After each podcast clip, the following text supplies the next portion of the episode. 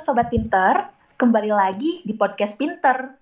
Nah, sebelumnya perkenalkan, nama aku Risha yang akan menemani Sobat Pinter selama satu jam ke depan untuk berbagi perspektif, pikiran, opini, maupun fakta mengenai permasalahan yang sedang terjadi pada kita sebagai mahasiswa. Jadi, jangan sampai terlewat ya. Oke, sebelum mulai, aku mau nanya dulu nih ke teman-teman Sobat Pinter. Sobat Pinter ngerasa gak sih semenjak PJJ ini ada banyak perubahan yang terjadi. Dan kadang perubahan ini nih yang bikin proses belajar kita tuh terganggu. Entah itu karena stres, tidak mood, cemas, dan sulit beradaptasi dengan lingkungan rumah yang kurang kondusif. Nah, sobat pinter, mungkin ngerasain ya? Kalau iya, sobat pinter pas banget nih buat mendengarkan podcast ini. Karena di sini kita akan membahas mengenai kondisi psikologis mahasiswa di masa pandemi serta tips and trik meningkatkan semangat belajar secara daring. Kebetulan aku di sini gak sendiri nih. Aku ditemani oleh seorang ahlinya. Beliau seorang psikolog cantik dan biasa dipanggil Bu Irma. Boleh nih Bu untuk memperkenalkan diri terlebih dahulu kepada sobat pinter semua. Oke, baik. Selamat siang, pagi, dan sore. Mudah-mudahan podcast ini bisa didengar di waktu-waktu yang pagi, siang, sore. Oke, perkenalkan nama saya Irma. Saya betul biasa dipanggil Bu Irma. Saya Unpad juga. Kita cuma beda 20 tahun ya dengan mahasiswa sekarang, tapi beneran saya masih milenial, masih masih semangat kayak kalian loh gitu ya. Oke, okay, aktivitas saya adalah saya ini asesor. Saya biasanya bilang saya asesor. Saya asosiat asesor di beberapa konsultan terbaik di Indonesia. Wah, kebanggaan ya bahwa nama baik Unpad bisa kerja di beberapa konsultan terbaik di Indonesia. Saya juga punya platform, ada platform namanya Teman Curhat barengan sama temen bantuin. Kemudian mendirikan platform juga tentang pilih jurusan, tentang kenal diri. Ada platform juga namanya pilih jurusan.id. Kemudian saya trainer juga di Corporate Innovation Asia atau biasa disebut dengan CIAS dan sehari-hari ketemu mahasiswa makanya kita beda 20 tahun tapi semangatnya masih mahasiswa juga di Mercubuana, Jakarta. Oke, itu tentang saya. Wah, sangat keren sekali nih pemateri kita ini. Banyak sekali pengalamannya. Dan mungkin boleh di-follow ya Bu platformnya yang teman curhat. Nah, oke. Okay, teman curhat dan pilih terkenal. jurusan. Iya, dan pilih jurusan. Jangan lupa nih Sobat Pintar Nah, karena sudah perkenalan, kalau begitu mungkin kita akan langsung saja nih ya Bu ke acara inti ya. Oke. Okay. Nah, Mungkin uh, saat ini ya Bu, perkuliahan secara offline di kampus tentulah akan sangat berbeda dirasakan mahasiswa dengan perkuliahan secara online di rumah. Nah, mungkin banyak mahasiswa yang pada akhirnya tidak bisa beradaptasi dengan kondisi-kondisi tersebut. Nah, termasuk saya nih, Bu. Nah, menurut Ibu nih sebenarnya bagaimana sih kondisi psikologis mahasiswa di masa pandemi dan apakah akan berpengaruh terhadap proses dan hasil belajarnya? Oke, jadi situasi pandemi ini berlangsung sudah sekitar tujuh bulan. Ada perubahan perilaku yang tentunya berbeda dengan situasi sebelum pandemi. Yang paling terlihat adalah ada metode belajar yang sangat berbeda dibanding sebelum pandemi Kenapa itu terjadi? Karena tadi kita tidak berinteraksi secara langsung. Nah, kondisi ini yang berbeda tadi, perubahan yang sangat signifikan tadi ini, jika dipersepsikan oleh mahasiswa sebagai suatu hal yang ini di luar kendali dia, ini lebih dari tuntutan yang dia punya seperti biasanya, maka itu akan dianggap stres. Gitu. Nah, perubahan ini kalau tadi saya bilang menjadi sesuatu hal yang melebihi tuntutan seperti biasanya, nah ini yang menjadi stres gitu ya. Belum lagi ada tujuan-tujuan atau target-target yang diperlukan perilaku tadi yang berbeda itu gitu. Yang misalnya ya, yang biasanya kalau misalnya mau nanya, mau nanyain materi, tinggal ketemu, terus kemudian ya biasa diskusi dapat solusinya. Tapi sekarang di era pandemi nggak bisa semudah itu gitu. Harus menyesuaikan diri dengan metode tatap muka online. Ini sebenarnya membuat sesuatu hal yang disadari atau enggak ini sebenarnya menekan juga loh. Itu yang pertama. Kemudian yang kedua, ketika be belajar secara online, informasinya ini bisa banjir banget gitu. Ini bayangkan kita sedang belajar uh, apa namanya satu mata kuliah gitu online, tapi di saat yang sama informasinya bisa dapat dari 5 6 lainnya. Misalnya kita lagi lagi belajar sambil buka Instagram, sambil buka WA, sambil buka website, sambil nonton. Itu banjir banjir informasi yang tiba-tiba banyak banget itu, itu juga bikin bikin mahasiswa jadi wow, nggak sempat mencerna informasi. Belum sempat mencerna, udah mencerna informasi yang lain ini ini ini perubahan berbeda lainnya yang bisa jadi itu bikin stres gitu ya. Lainnya itu itu dua hal yang sangat signifikan gitu ya. Lainnya banyak lagi gitu.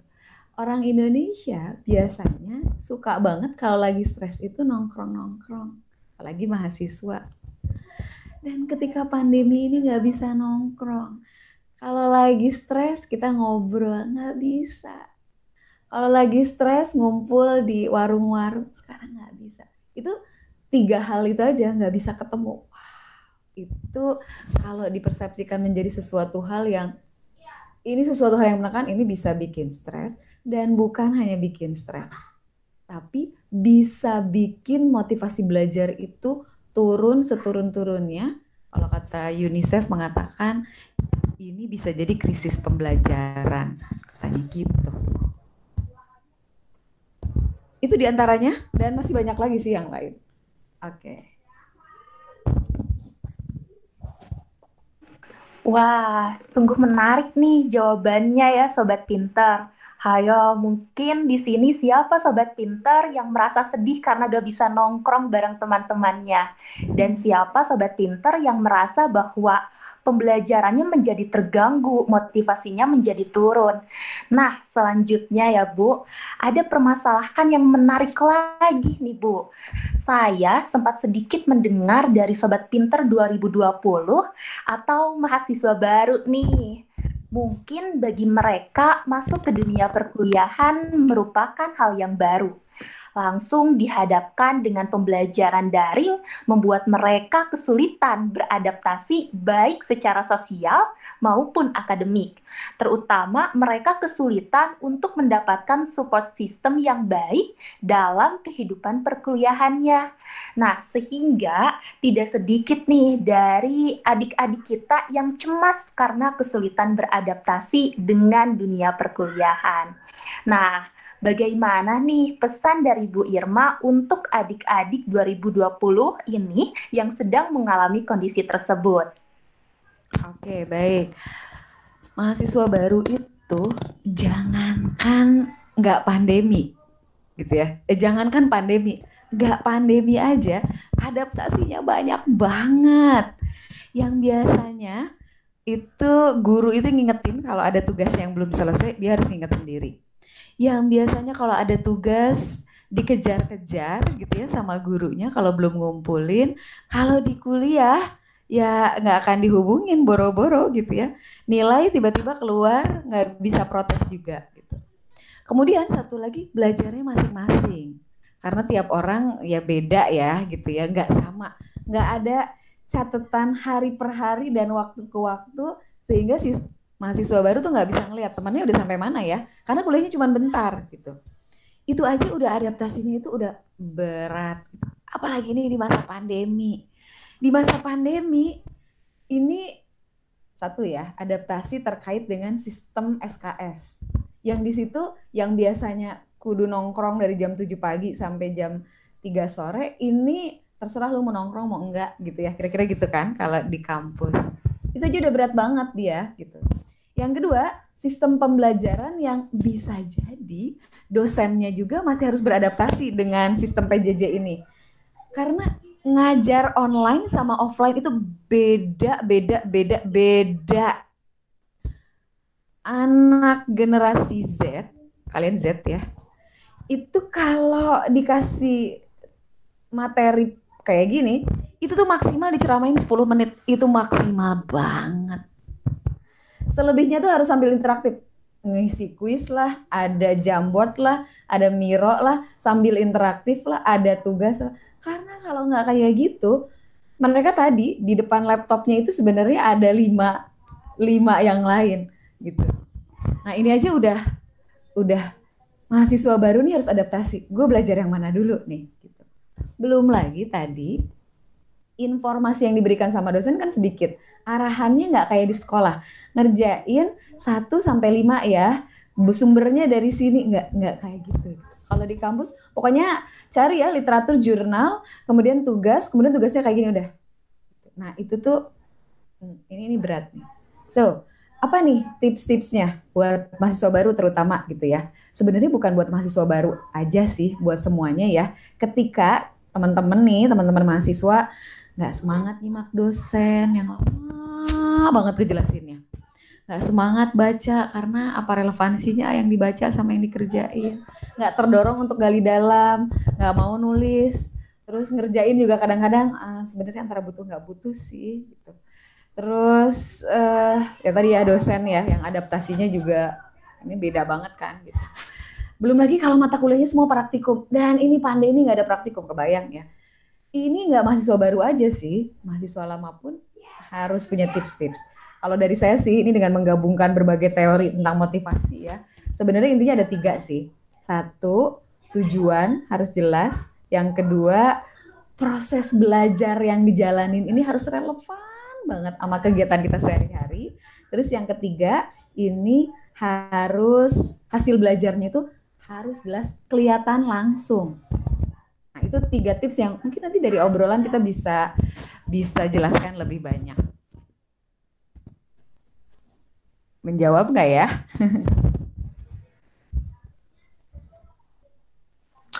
Wah, sobat pintar sangat menarik jawabannya dan sangat menjawab mungkin ya pertanyaan-pertanyaan yang selama ini ditanyakan gitu tapi bingung nih harus ke siapa menanyakannya.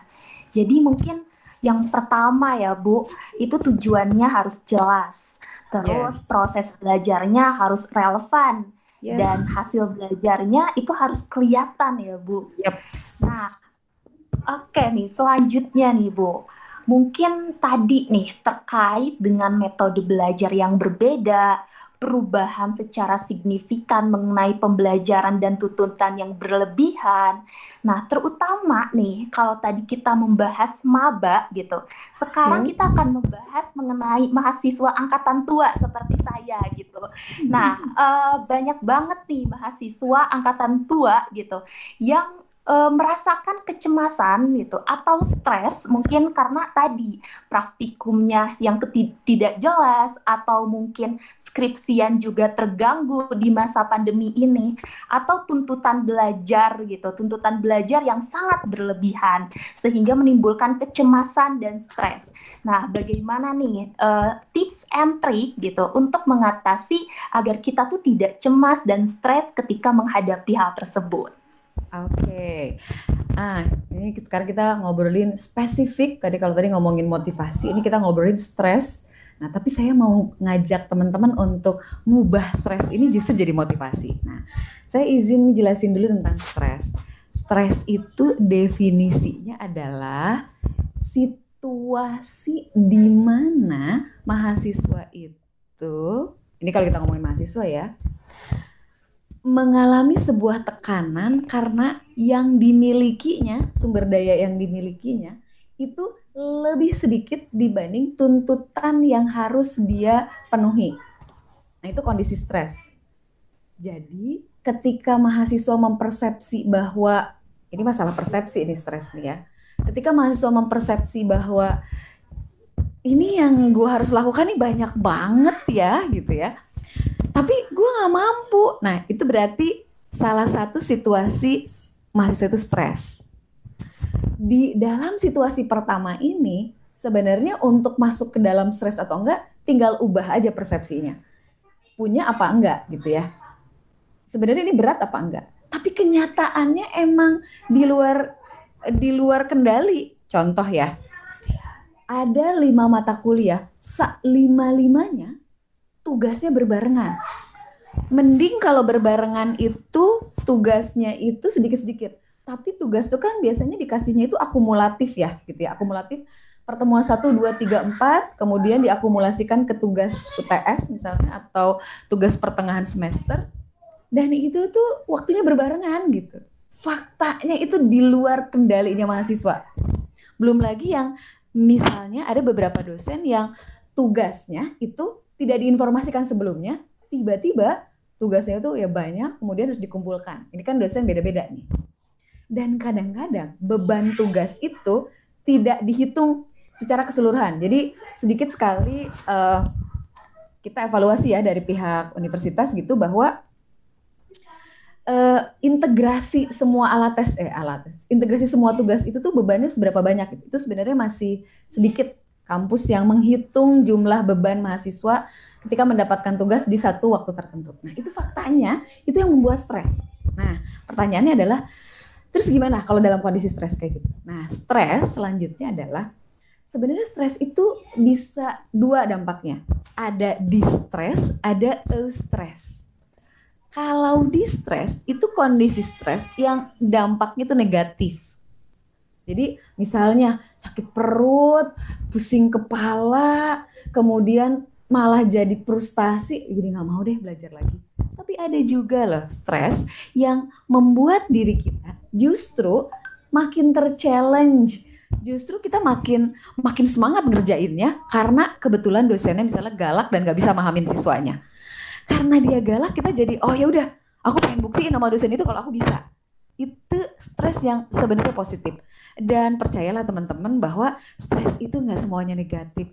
Banyak kok stres yang bisa dampaknya itu tuh positif. Hal yang paling gampang ya, kalau main roller coaster itu positif loh. Uh, Sebenarnya itu stresnya nggak apa-apa. Kebayang ya kalau kita main roller coaster terus kita nggak stres? Gitu, cuman begitu aja. Tapi justru karena kita stres, maka ada sensasi yang bisa kita nikmati. Ketika teman-teman di sini ada beberapa yang mungkin mau menikah gitu dalam proses mau menikah seneng banget kita ketemu gebetan kita gitu. Tapi justru karena kita seneng kita stres kita mempersiapkan diri untuk ngobrolnya kayak gimana ya? Nanti saya harus siapin seperti apa ya ngobrolnya? Apa yang harus saya siapin? Itu karena stres belajar juga gitu. Belajar juga ketika situasinya itu menekan sumber daya kita sedikit hmm, itu sebenarnya bisa jadi uh, stres atau bisa jadi stres yang menghasilkan dampak positif tips-tipsnya gimana nih? Ini yang yang bisa membuat kita positif. Nah, lagi-lagi sebenarnya kalau mau kita hubungkan dengan uh, motivasi tadi itu gitu ya. Harus jelas banget, clear banget sebenarnya tujuan kita kuliah ini mau apa.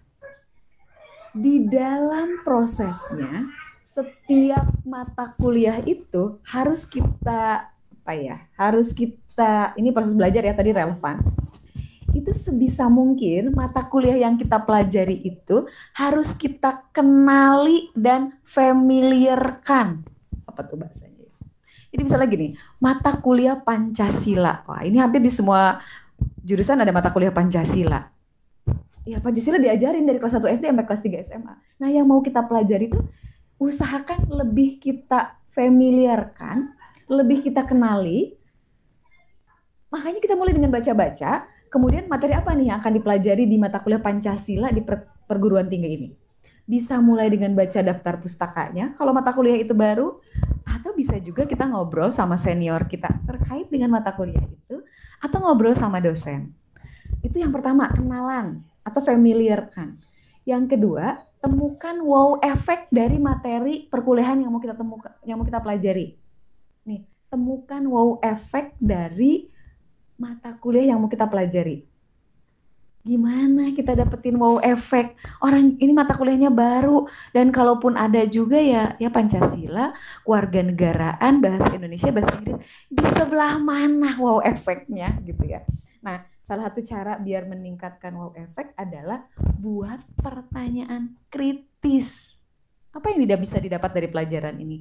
Apa yang relevan dengan kehidupan kita sehari-hari itu sebenarnya menciptakan wow efek kita nonton YouTube, YouTube yang uh, rate-nya paling tinggi, ya ketik aja Pancasila. Biasanya sih yang dijelaskan itu hal-hal yang menarik angle Pancasilanya atau angle keluarga negaraannya. Itu bisa menumbuhkan proses belajar yang kita jadi tahu gambaran wow efek dari belajar ini apa sih. Termasuk mata kuliah filsafat.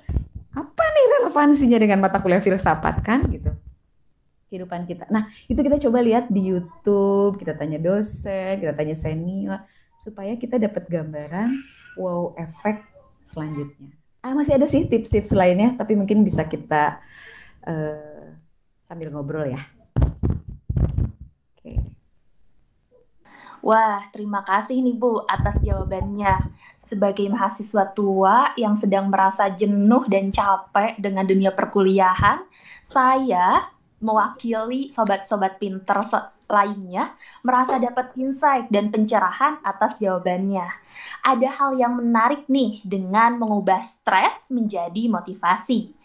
Karena ternyata stres itu tidak hanya berdampak negatif, tapi juga ada stres yang bisa berdampak positif dan menjadi motivasi untuk kita. Nah, mengenai ini apakah ada tambahan Kak Bu? Oke, baik terkait dengan ini khusus terkait dengan mengatasi stres belajar di era pandemi gitu ya. Ada satu yang menarik fenomena di era pandemi ini di mana tiba-tiba tadi seperti disampaikan di awal mahasiswa mendapatkan informasi yang begitu banyak banget. Teman-teman dikasih mata kuliah tertentu, satu materi tertentu itu teman-teman bisa dapat dengan cepat banget dari sini, dari sini, dari sini, dari mana-mana. Belum selesai topik tersebut, teman-teman dapat isu atau topik yang lain. Itu juga udah banyak banget. Dan bersamaan dengan itu, teman-teman menghadapi sesuatu yang itu informasi juga banyak banget. Contoh, misalnya mahasiswa yang sedang menempuh semester uh, skripsi, misalnya semester akhir, kemudian sedang mengerjakan skripsi atau tugas akhir, itu dihadapkan pada informasi tentang itu di saat yang sama ada informasi tentang dunia kerja. Di saat yang sama juga biasanya kalau semester 8 itu masih adalah beberapa yang menjabat kepengurusan terutama organisasi eksternal. Itu. Dan di saat yang sama juga apalagi kalau tinggalnya sekarang misalnya bersama orang tua itu mulai dituntut untuk uh, memenuhi tuntutan-tuntutan sebagai orang dewasa gitu ya, seorang dewasa seutuhnya.